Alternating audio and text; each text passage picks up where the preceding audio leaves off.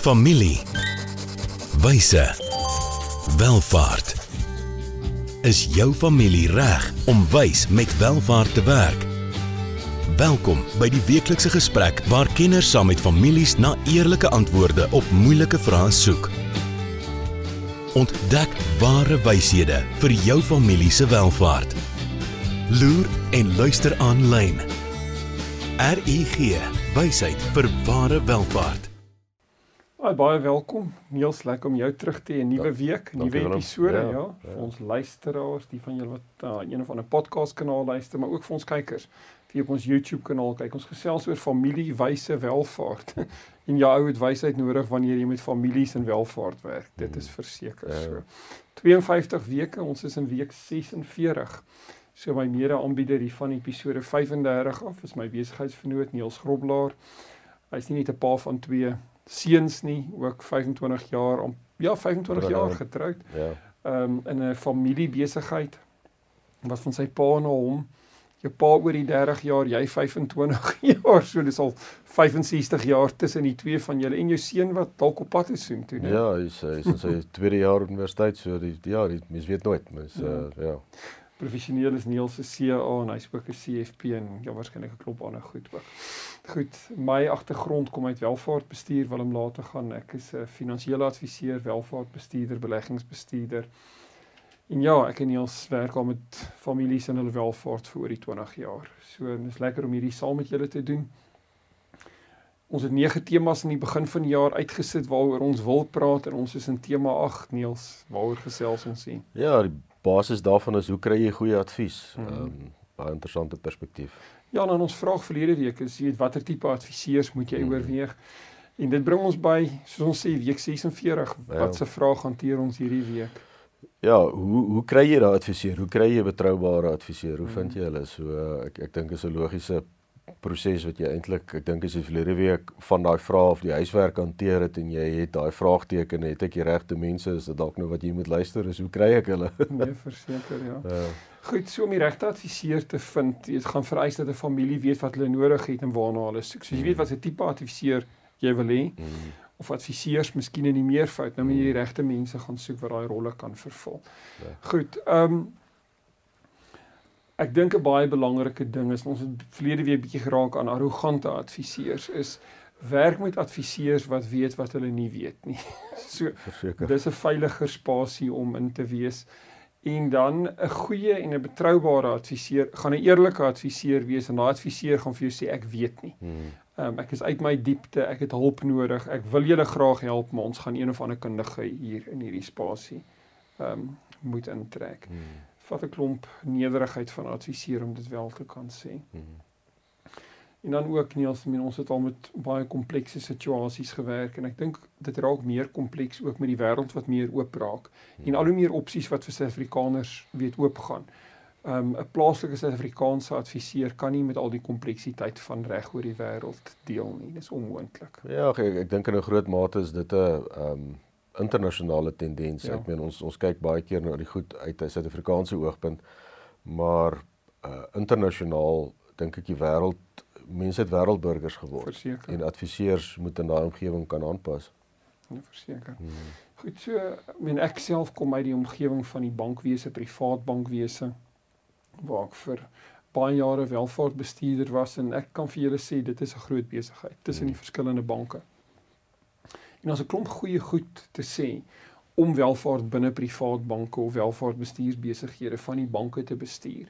Maar mense moet ook verstaan daar's bepaalde, jy weet, leemtes of behoeftes in daai spasie. Hmm. Een daarvan het ons verlede week aangeraak en dis tipies waar ehm um, so 'n privaat bankadviseur verkope doelwitte het en spesifiek die bankprodukte moet verkoop terwyl dit dalk nie die regte produk is vir die kliënt op daai stadium nie. So ons het geraak aan die belangrikheid van onafhanklikheid. So ek dink een ding waarna families wat die na wie na luister of kyk moet soek is maak seker jou adviseur is onafhanklik en of daai adviseur jou beleggings of bates bestuur en baie keer is dit vliegtye, seiljagte en baie welaf families, ehm um, kunsversamelings, dis 'n Mm. baie wye spektrum van goed ehm um, wanneer dit selfs na 'n familiekantoor-spasie toe gaan.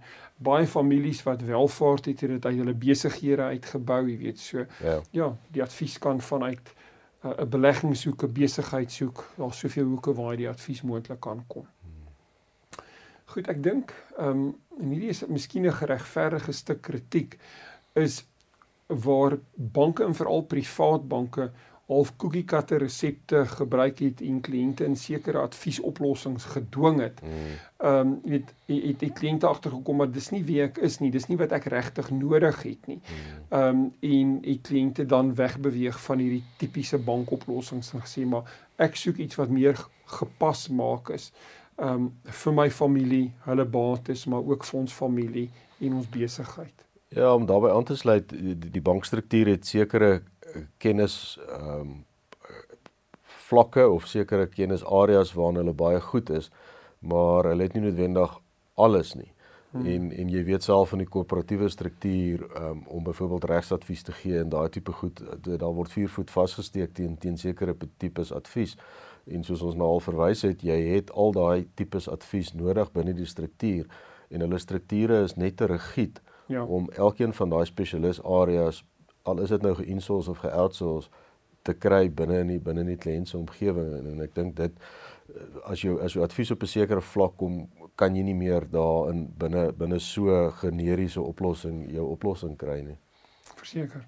En nou spasie is nou ook baie keer hoe omsette van personeel. Mm. So familiekantore of dit nou enkel familiekantore of 'n multifamiliekantoor. Ons gaan in 'n mm. later episode gaan ons die verskil daarvan verduidelik. Ehm um, jy die feit dat daar reg oor die wêreld in die bestuur van welvaart, maar familiewelvaart en ook hulle besigheidswelvaart, familiekantore ontstaan, dit is juis eintlik ehm um, simptomaties van jy weet hierdie hierdie konsep baie simplistiese eenvoudige oplossings wat nie in die werklike behoeftes van families, jy weet in besigheid ehm um, voorsien nie. Goed, ons gaan gou vir 'n handelsbreek. Dankie aan RGG wie hierdie vir ons moontlik maak. Loer gerus op hulle webwerf rg.ac. Hoe gaan dit met jou geld sake? En met jou? Jy sien, in die soeke na wins, vergeet jy soms om jou beleggings met jou waardes te belyn. En dis wanneer dinge begin skeefloop. So, het jou beleggingsportefeulje waarde en ook waardes. RUG Adviesdienste sorg dat jou beleggings by jou pas, sodat jy trots kan wees op elke maatskappy waarin jy belê. Hoe jy geld maak, maak saak. Belyn jou beleggings met jou waardes. Kry jou finansies op koers met 'n persoonlike padkaart na ware welvaart. RUG. Wysheid vir ware welvaart.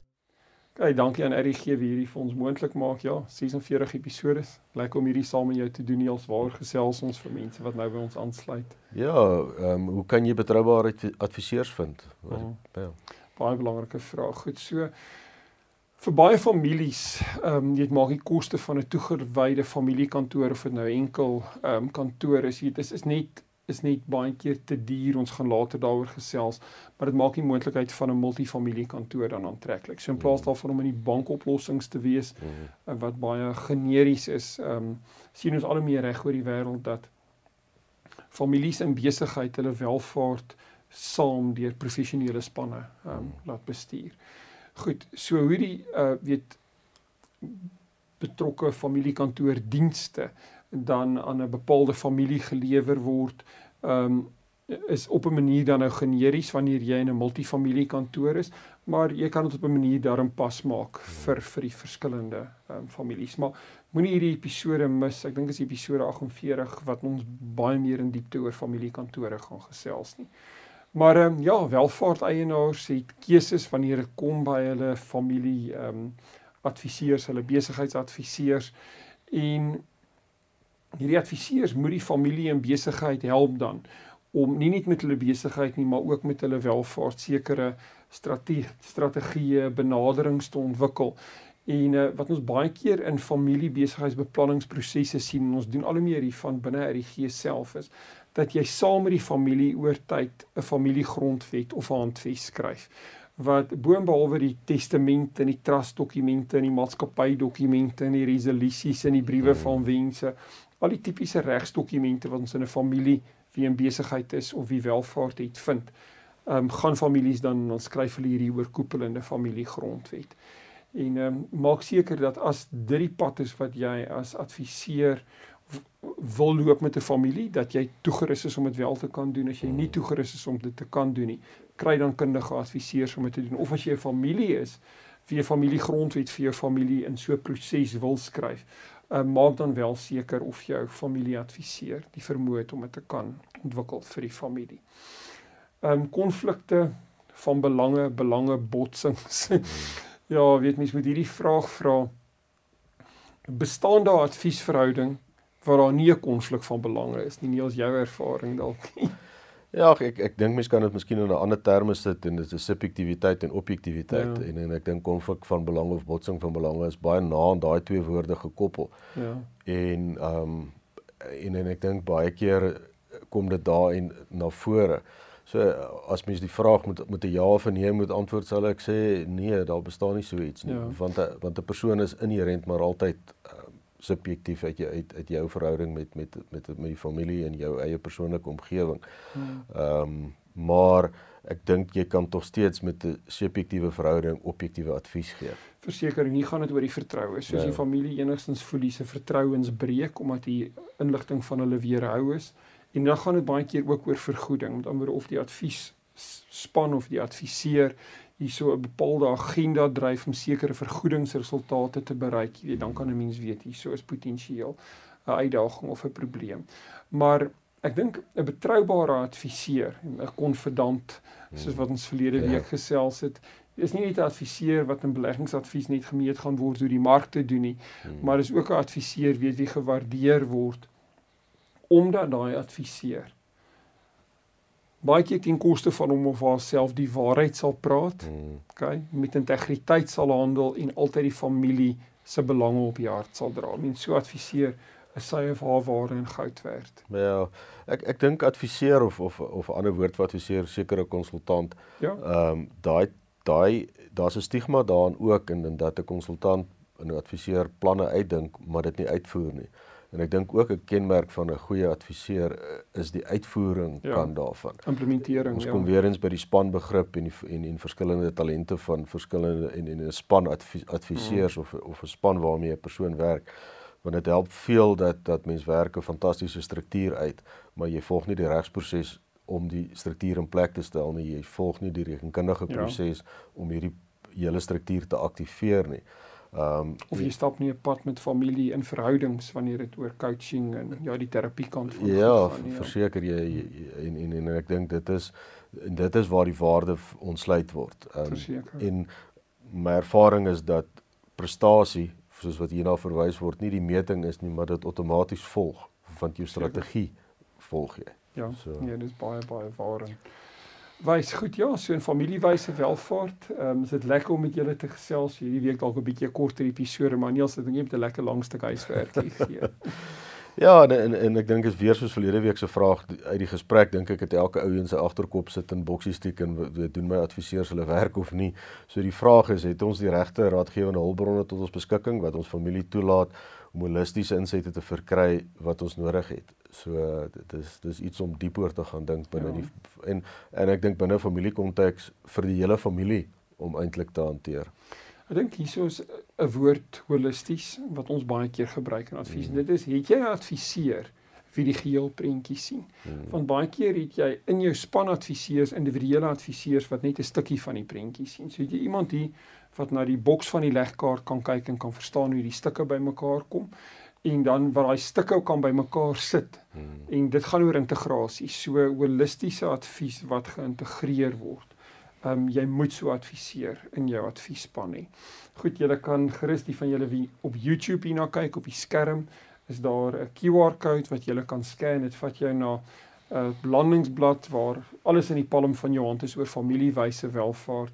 Jy kan ons ook per e-pos bereik info@rg.ac en ons webwerf rg.ac waar daar 'n klomp baie waardevolle inligting oor families in besigheid maar ook families en hulle welvaart is. Dankie Niels, ek sien uit na volgende week se episode in familiewyse welvaart. Volgende keer gesels ons verder oor wyshede wat families nodig het vir ware welvaart. Familie. Wyse. Welvaart.